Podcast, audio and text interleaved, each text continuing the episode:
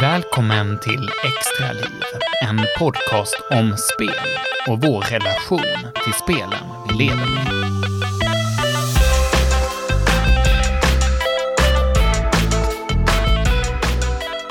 Ända sedan de första datorspelen har utvecklingen varit tydlig. Grafiken har hela tiden blivit bättre och bättre. Men idag, när grafikkorten glöder för att klara av de senaste storspelen i 4K-upplösning, finns det också de som dras mot den raka motsatsen. I det här avsnittet av Extraliv hör vi historier om människor som föredrar klumpiga pixlar framför hyperrealism.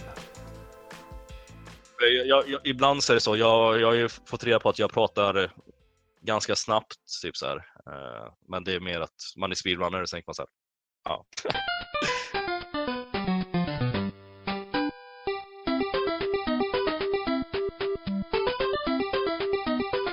Så det är jag, eh, en polare ProGN. Han har varit världsmästare i Zelda 2, han är fortfarande världsmästare i Zelda 2. Sen har vi Druvan som är världsmästare i Mario Kart. Sen är det många från Sverige överlag, det kanske är runt 30-40 svenskar där. Eh, som är bäst i världen på e-sport. Eh, eller inte e-sport överlag, utan själva speedrunning. Då.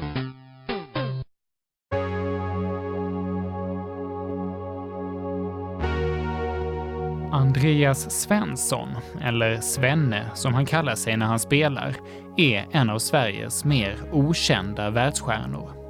För han kan spela igenom hela Super Mario 2 på under nio minuter. Och det var så att jag och några vänner, vi gick på högskolan, vi kollade på speedrunning maraton som heter Games Done Quick då, eh, 2011. Och då fick vi reda på att en av de personerna som var med och var med första gången de han framförde sånt här eh, maraton, han bodde i Skövde. Och vi bodde i Skövde. Det var typ så här, vem är det här för snubbe? Så gick man ju dit och pratade med honom och han var mycket smart och intellektuell och mycket skön och öppen och han ville visa tricks och var öppen för våra dumma frågor och allting.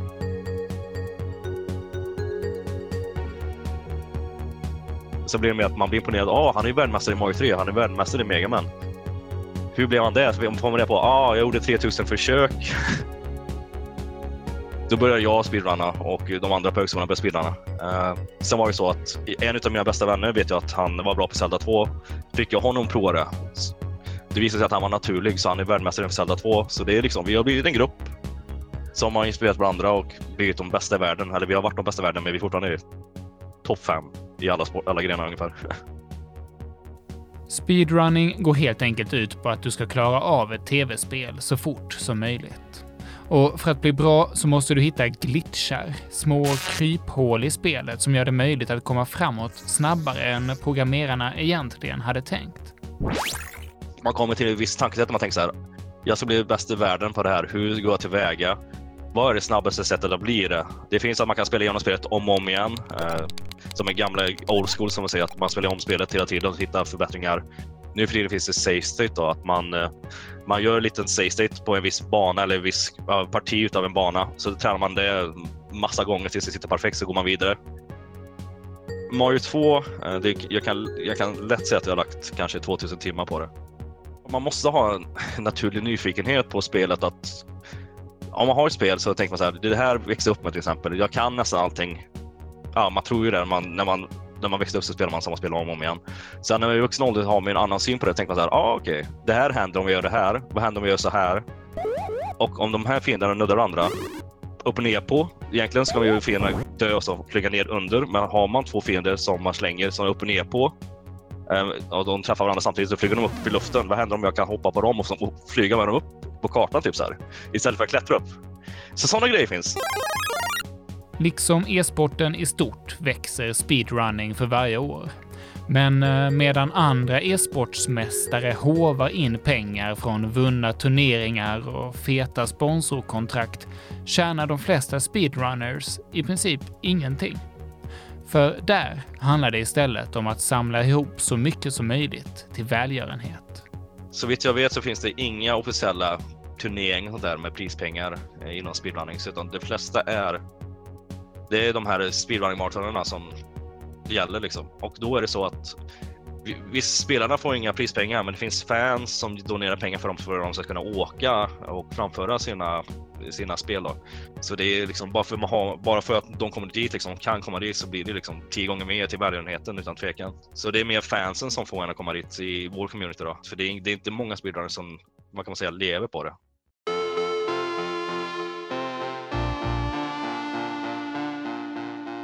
Den största händelsen för speedrunners är Games Done Quick, ett årligt event i USA. Förutom publiken på plats så följs tävlingarna där av 100 000 tittare online. År 2017 var Andreas där och spelade i en stafetttävling där lagen skulle spela igenom fem olika spel i Super Mario Bros-serien. Ja, det var mycket nerver. Uh, mycket nerver, för det är, det är så att uh när jag var med i Super Mario Bros-stafetten, då är det ju de 15 bästa i världen eh, som är i tre lag. Då vill man ju inte, man vill inte spela dåligt. Så man vill liksom framföra sig så gott det går. Men för Andreas handlar det inte bara om att få visa upp sig. De insamlade pengarna skulle gå till forskning om cancer, en sjukdom hans egen mamma precis hade brottats med. Man vill ju liksom hjälpa till på något sätt man kan. Eh, så jag är bra i det här och det är bra för, det är bra för cancerforskningen. Så senast vi var där så fick ju cancerforskningen eh, eh, 2,2 miljoner dollar tror jag. Eh, så man hoppas att det, det, här är jag bra på. Det här är vad jag kan tillge världen och kan säga liksom. På ett fint sätt. Men det börjar ju inte så bra.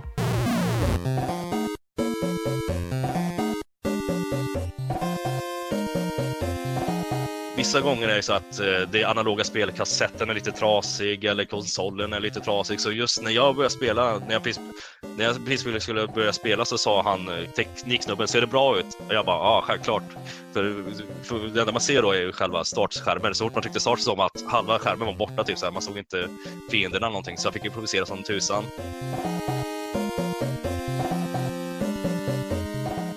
Varannan sekund blev typ bakgrunden helt svart så man såg inte vad som hände utan man bara såg Mario eller prinsessan bara hoppa upp där. Men man såg inget annat liksom.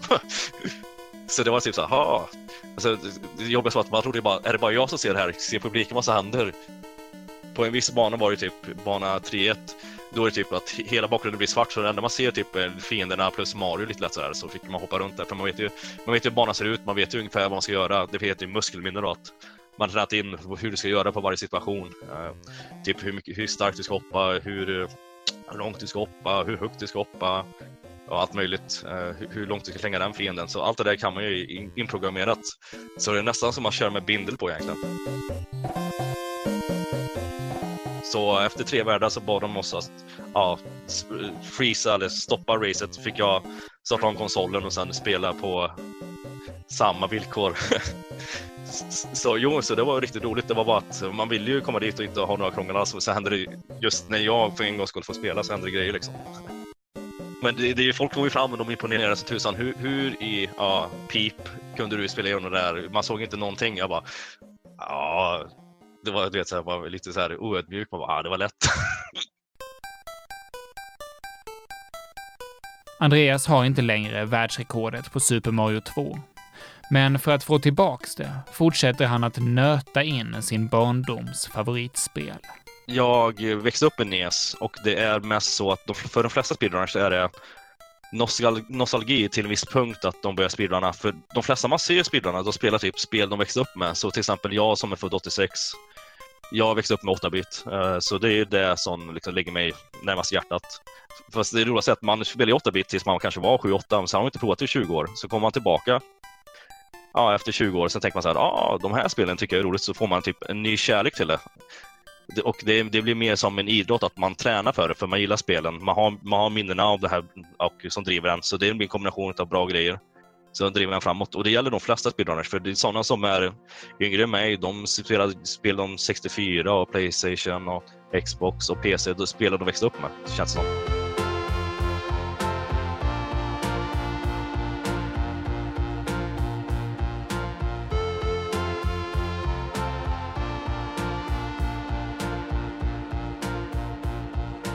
Jag tror att det är så att i Sverige har vi haft ett unikt förhållande till Nintendo, att vi har haft dem på piedestalen nästan 80-talet. Att det här att Bergsala tog in spelen tidigt, att det var Bergsala som tog Nintendo till, eller inte bara till Sverige utan i Europa överlag, gjorde att vi var, vi var först med det i hela Europa. Och det var ja, på 80-talet specifikt var ju typ att det fanns inget annat att göra än att spela 8-bit.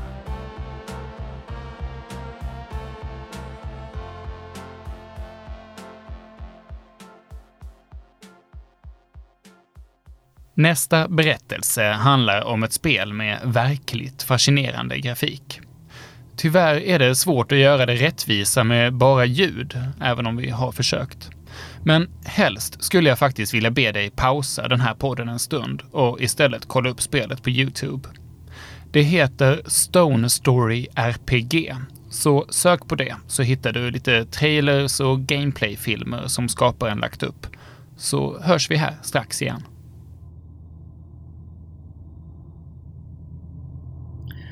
Um, well, when I was young, I I had lots of nightmares, very bad nightmares, uh, about very dark stuff, and that attracted me to li- literature about that. So I would read, uh, you know, Dante's Divine Comedy and uh, other stuff like that, and that is definitely present in the game for sure. Even though I've matured past that point a long time ago, um, it that's why it's a dark world, you know. Gabriel Santos är spelutvecklare och bor i Kalifornien. Och i fyra år har han arbetat med spelet Stone Story RPG. So Stone Story RPG, it's it's set in this dark world. It's very ominous, and in the beginning feels uh, has a sense of solitude and, and but also peacefulness to some extent. It's very chill. And the story is that you're collecting these nine magic soul stones in order to restore light to the world. Spelets grafik är helt gjort i ASCII, det vill säga att alla karaktärer, miljöer, monster och vapen består enbart av tecknena och bokstäverna som finns på ett tangentbord. Olika symboler och bokstäver som tillsammans skapar en hel bild. En eh, enkel smiley-gubbe i ett sms består av ett kolon och en parentes, medan en av Gabriels ASCII-bilder kan bestå av hundratals tecken. ASCII art really came out uh, more, became developed in the 90s, early 90s, uh, because it was difficult to, to send images over the internet back then. Um, people with limited bandwidth would send, got creative and would send uh, images composed just of text characters. So just regular symbols on your keyboard, and uh, people would, you know, draw little doodles or do very complex things and uh, send it to each other back then. You could make uh, to fill the screen. I'm not sure what's the maximum size that people use back then, but it could get as big as 100 characters wide and uh, 30 high would be the maximum to fit the screen.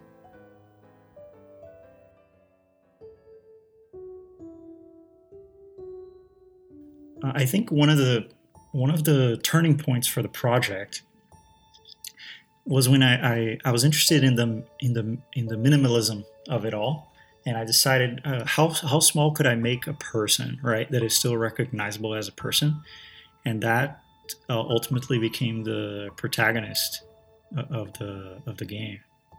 I wanted to see um, how do I make him walk, how do I make him throw things, and this was before I even had the idea for the game. I was doing small uh, stick stick figure, if you will, animations of the of the main character.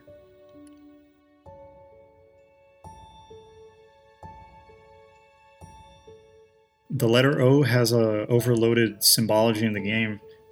It it symbolizes the stone, and I use that for the head of the character, and then it's just a few slashes uh, for the arms and the legs.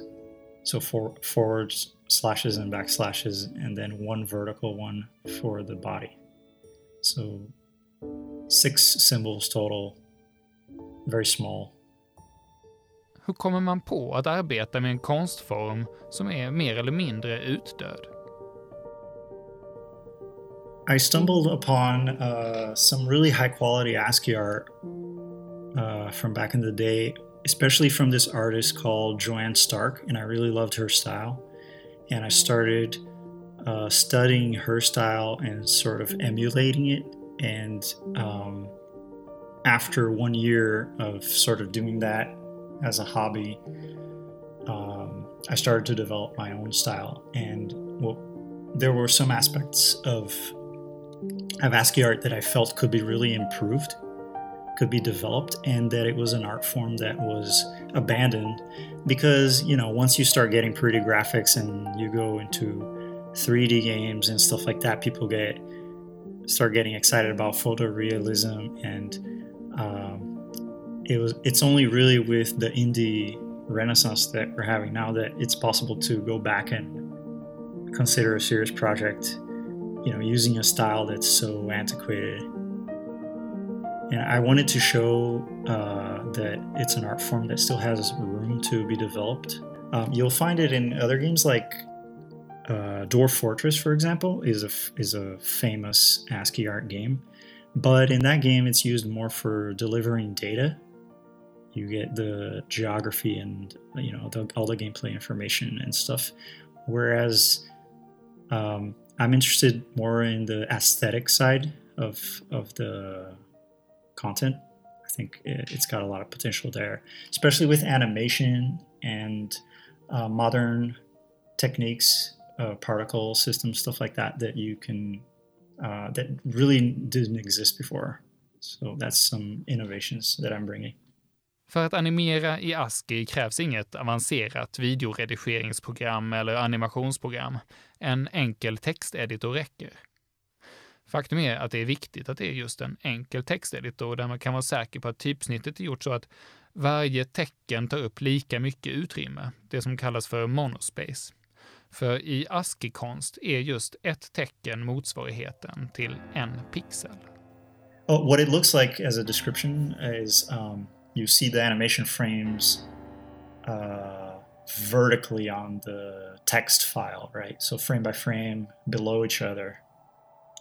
It's convenient in some respects to use simple text, uh, plain text. I I can use find and replace functionality for quickly uh, quickly swapping a feature of of the character I'm animating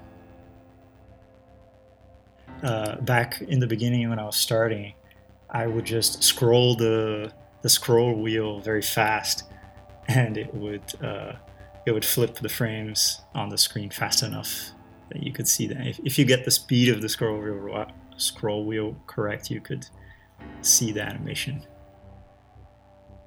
I think the constraint really um, is good for for the project. Um, I, I would want to create a new tool for for the future, not for this project. I think it's a bit too late, but I want to make a tool to make the especially the coloring process. That's the main pain point right now, and I decided to make the game black and white for that reason. It's it it's got some color in it, but it's mostly black and white, and that's a constraint of the tools that I use uh, because it, you know you can't color a plain text file, right? Um, so I've built, you know, but I've built the lore of the game and everything around that as well. It's a dark world. It's uh, it's it's it's dull, but the things that are colored in it denote more importance. You know, a, a specific uh, point of interest or something magical or something that has color in it, right?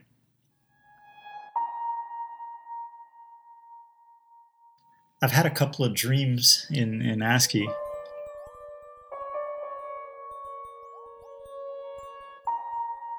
Uh, that was weird, where everything is text. I, I couldn't remember what happened, but then I drew an animation of some sheep jumping over a fence in ASCII, of course.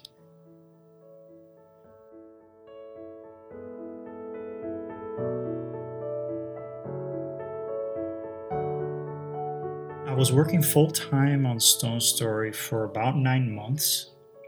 And originally, the idea was to make a game that was that I could have finished maybe in a year or a year and a half tops. Uh, I don't usually like very long projects.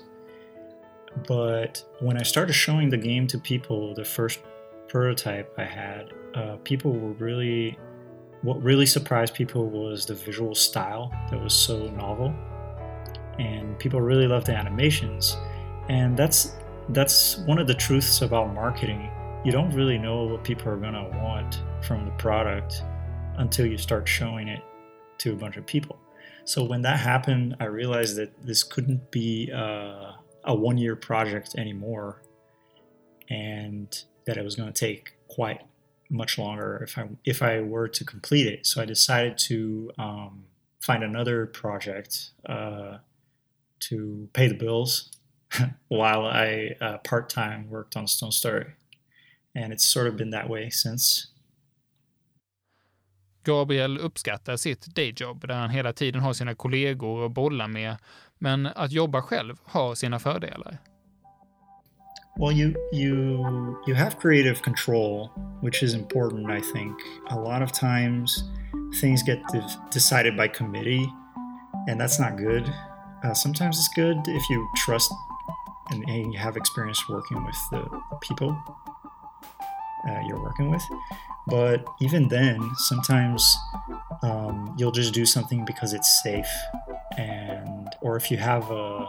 That's also true if you have a budget, right? If you have a, if it's an expensive project or it has a deadline, you're gonna fall back to things that are safe, right? Because you need to you need to finish the project as as fast as possible, essentially. But if you're by yourself and you're t- you're able to take your time uh, to reflect on the ideas, then you can really do something different, right?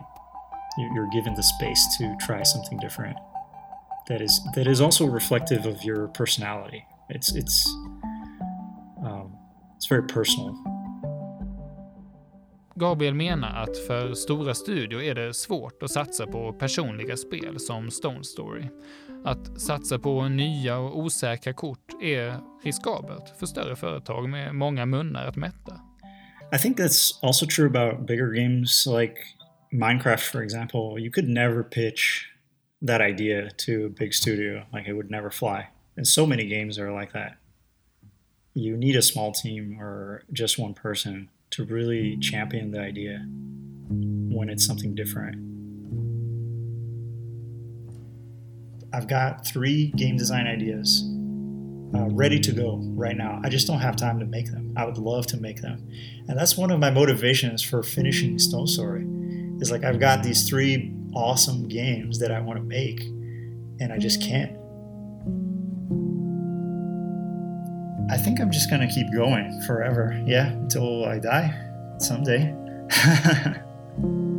Although, you know, the saddest part will be that last game that doesn't get completed. That's gonna suck.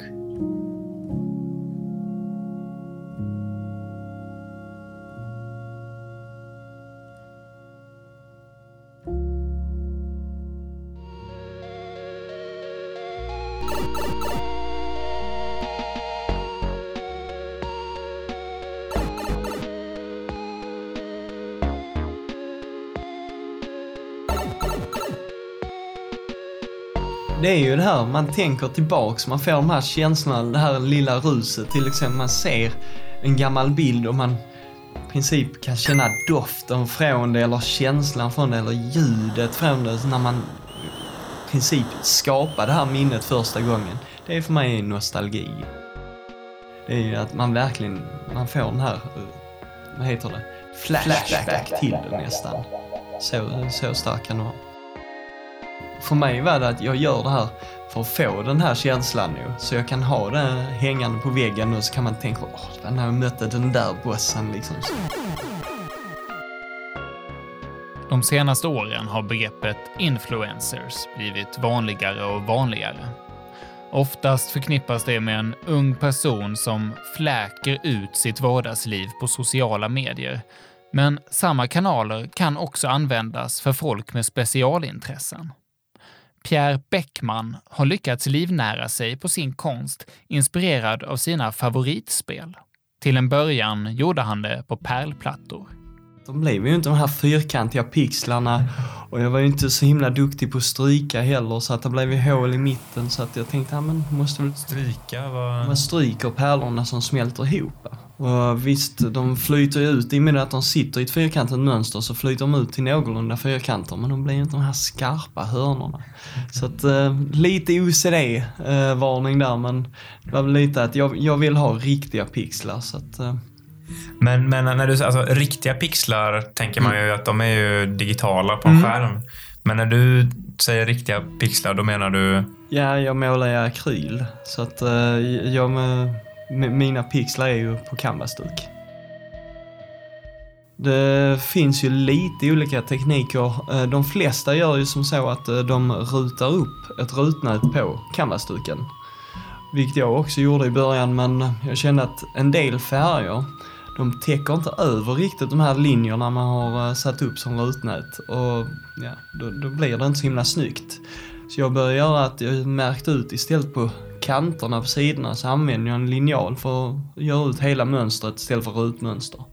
Det tar mycket längre tid att göra så.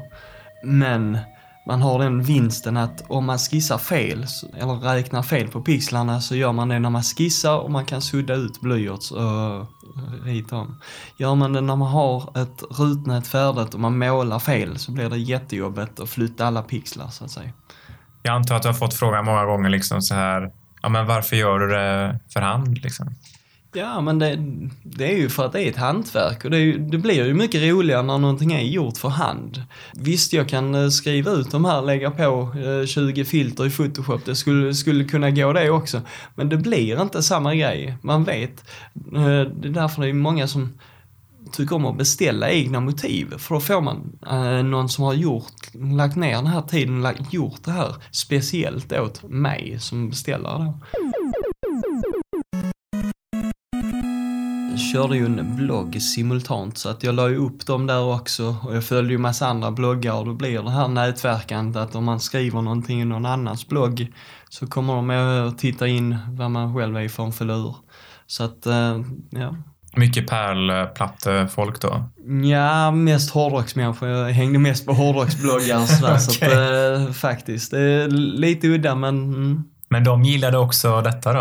Eh, Det är ju så här att hårdrockare är de yttersta nördarna så att eh, det passar utmärkt. Är det så alltså? Ja, eh, sen att det skiljer mycket olika, just vad man nördar i. Men det, många kan ju relatera till de här gamla tv-spelen. Är man så här, till exempel som musik eller så här, sam, det är ju samlarmentalitet ofta när det är skivor och så också. Och då, det är ju lätt att det kommer in där också, att det finns tv-spel. Så. Pierre sparade ihop pengar så att han skulle kunna satsa på sin pixelkonst på heltid. Jag ska testa att göra det här i ett år. Så har jag en eh, buffert i alla fall att ta av om det inte går. Det, var väl bara det här att man ska ta det berömda steget. Går det så går det, går det inte så går det inte. Då har jag i alla fall försökt. När året var över så valde Pierre att fortsätta. Ja, det är inte mycket ekonomi i det. det är, så att säga, det är en övning i snålhet. så mycket kan man säga. Man blir ödmjuk på det sättet också. Det är, det är ju himla kul. Man eh, lär sig skilja på nice och need i tillvaron. Och eh, det, är, det är ju rätt roligt ändå, även om det kan vara väldigt tungt ibland när man känner ja, men jag har bara ett par byxor, jag kanske skulle behöva köpa ett till om jag helt plötsligt får ett hål i dem. Men, som sagt, det är ju ett eget val och då, då, då får man ju hålla sig, rätta sig efter det. Så att säga.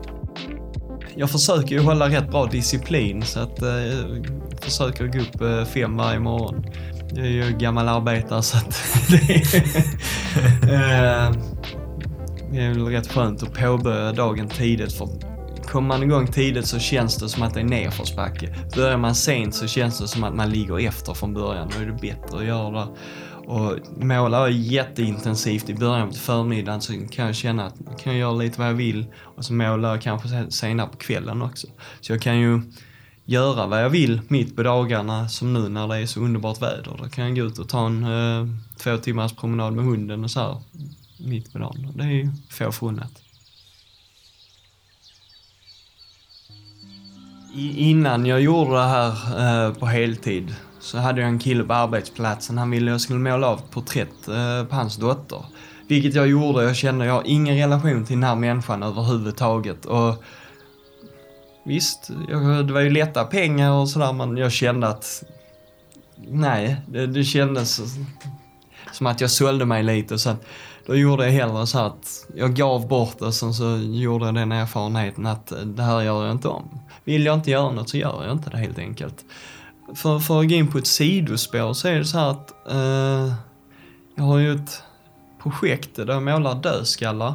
Målar en dödskalle i veckan, eh, så jag lägger upp varje måndag. Tills jag har målat 666 stycken. 666 stycken. Då blir det att, räknar man ut det så blir det nästan 13 år det skulle ta att måla dem. Så att jag är uppe i 470 nu. Men det, då är det ju inte pixlar utan då är det svartvitt monokromt. Så det var ju många som frågade dig när jag drog igång det här att kommer du verkligen hitta så många dödskallar att måla? Men man kan ju alltid måla egna.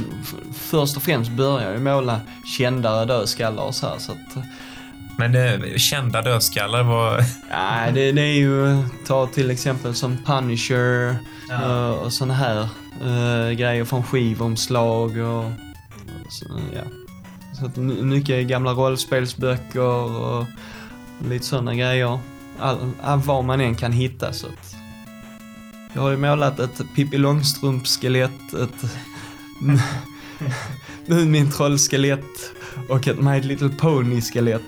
Så att ja, det, det får nog vara de mest udda jag har målat. Och det I- är pixlar. I pixlar, ja. Men då har du fått eh, designa motiven helt och hållet? då? Ja. Den här pixelarten är ju ett ständigt tränande för mig. Eh, jag försöker bli bättre, men jag har inte alls lagt ner så mycket tid som när jag klipper och klistrar så att säga ihop mina motiv annars.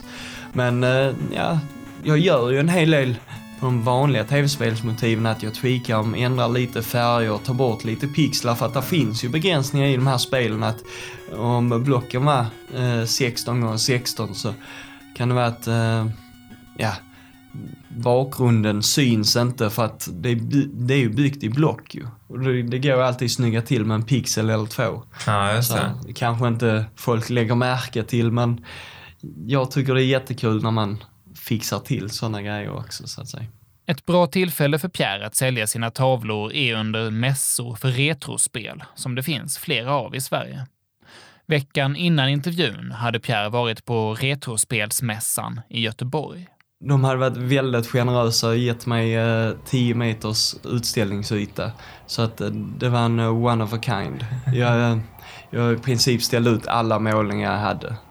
För det är en helt annan grej att se verken på- liksom på en armslängds avstånd snarare än att man ser dem genom mobilskärmen. För att då blir, helt plötsligt blir det på riktigt. Det är någonting man kan ta på. Vad skulle du säga är liksom det svåraste? Det är att ta betalt. Det är, det är, ju, det är ju ingen bra timpeng överhuvudtaget att köra det här. Och då är det svårt för att det är, man måste kunna sälja dem också. Det är som när man är liten tunn och går till gymmet första gången. Det är, där finns mycket att förbättra. Är, och även om eh, jag gärna hade gett bort alla mina verk eh, så måste jag ha pengar för att måla nästa grej och nästa grej. Det är ju väldigt svårt att verkligen kunna ta betalt för tiden man lägger ner. Det är väl det. För att jag vill ju att mina verk ska vara tillgängliga för många. Ja, där finns mycket utrymme för förbättring om vi säger så. Men det, det får man genom alla de här erfarenheterna också. Som när man eh, säljer eh, då, målningar till exempel till företagare och så här. Då är det kanske lite lättare att kunna stå på sig eh, så här och ta betalt för det också. Så att det, är- ja, det är många som har uttryckt det att det är kul att man får den här direktkontakten med den som har gjort verken. Eh, för, ja, då blir det personligt på ett helt annat sätt. Och sen är det ju just det här att man kommer ut och man får se det, och man får prata lite och känna vad det är för en person. Så För så vet man ju då om, är det här egentligen en person man vill ge pengar till överhuvudtaget? det, det, så att, ja.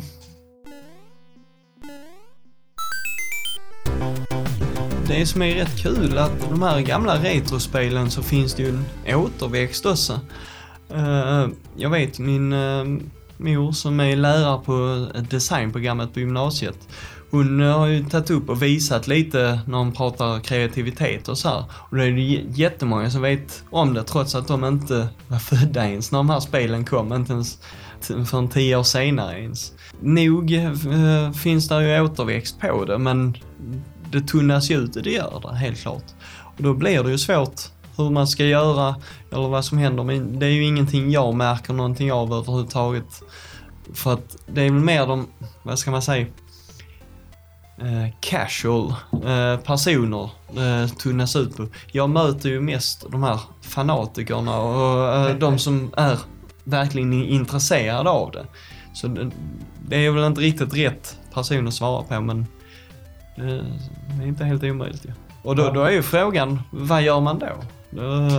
Man, jag har ju ett ständigt utvecklande eh, i mitt artisteri. Jag försöker måla andra grejer och jag har massa extra grejer som jag kör också. Så det gäller ju alltid, man ska ju inte lägga alla äggen i en korg. Men om man säger på ett personligt plan, eh, tycker du det är svårare att få samma, vet inte om man ska kalla det förälskelse kanske, i, i nya karaktärer? Ja, faktiskt inte. Det, är ju, det har ju kommit en hel del, det finns ju den här nyretrovågen med Shovel Knight i spetsen, eh, svenska Alvas Awakening och eh, helt fantastiska Axiom Verge. Eh, det är ju spel som fortsätter eh, leverera i pixelformat. Och det är ju en stor skillnad egentligen om man jämför på pixelspel jämfört med till exempel när Nintendo 64 kom. Det är ju spel som inte alls har åldrats med samma värdighet just för att de är ju så fyrkantiga, eh, de här figurerna i 3D. Medan medans det är lite lättare att se de här gamla pixelgrejerna som är mycket enklare eh, i sig själva. Till exempel som Super Mario World, sätter dig och spelar det på Nintendo 64 nu så är ju, grafiken är ju inte så himla vacker längre. För man var van vid snyggare 3D. De här är väldigt blockiga och så här, medan om du bara går tillbaks till Super Nintendo så har du väldigt utmejslade figurer eh, som är mycket mjukare på ett helt annat sätt och lättare att ta till sig.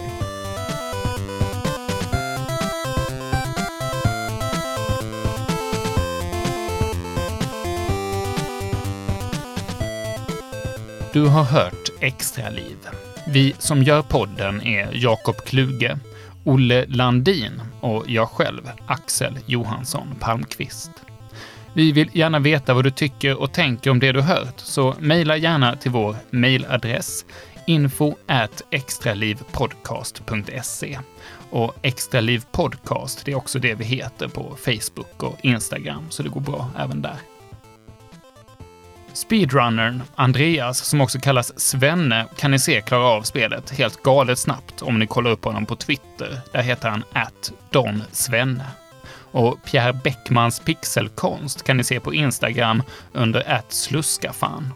Och Gabriels utvecklingsblogg går att hitta på stonestory.co. Ja. Men um, nästa punkt är de här Skype-samtalen vi har i slutet på varje avsnitt. Jag hörde ju av sig en kille och var ganska bitter på honom. Hela programmet var bra, men att de här Skype-samtalen var sabba allt. Tog bort all lust för honom. Det var, det var ju mig han riktade sig åt. Va? men han, han menade väl att han som lyssnare kände att han skapade problem för oss. Att vi tyckte det var så jobbigt att göra de här programmen. Ja, alltså, jag, han, han, eh, jag kanske, man kanske kan- kan läsa upp det lite bara så vi har det färskt i, eh, i minnet. Vi ska se här. eh, Slutpratan, där ni raggar folk till Patreon, slår en ton som får mig att tappa sugen på hela podden.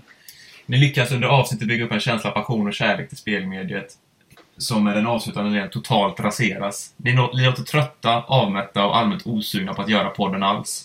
Eh, och jag menar, jag, jag, för, jag kan ju förstå honom för, för om man tänker på alla andra så här poddar och eh, youtubers och allt vad det kan vara.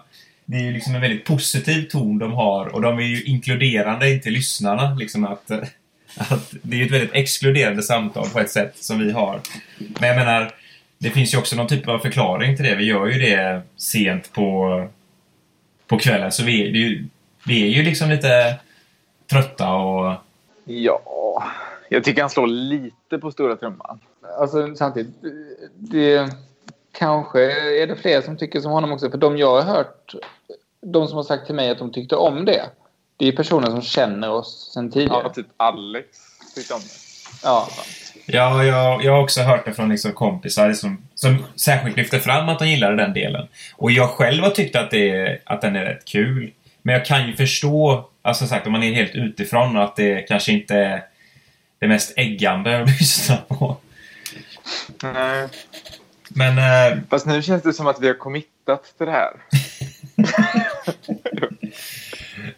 just det. Nu, nu, jag- nu, jag- Du kan väl bara göra en grej till det. Det blir bara värre. Det blir en följetong. Ja, jag är hemlös. Ja, nej, Jag men, klippte så mycket och jag var tvungen att ringa så många samtal att min sambo och barn lämnar mig. Ja. ja. Men jag menar, alltså, om, om fler hör av sig och säger att det där, ta bort det där. Då, då, då jag, kan jag väl vara beredd att lägga mig platt. Men... Ja. Eh, men men eh, vi, får väl se. Eh, men också, just det. En grej han skrev var ju att, att det framstår som att vi inte står för eller gillar det vi har, alltså podden. Det tycker jag ju känns fel. För jag menar, det har ju varit sjukt kul tycker jag ändå. Och, och göra detta.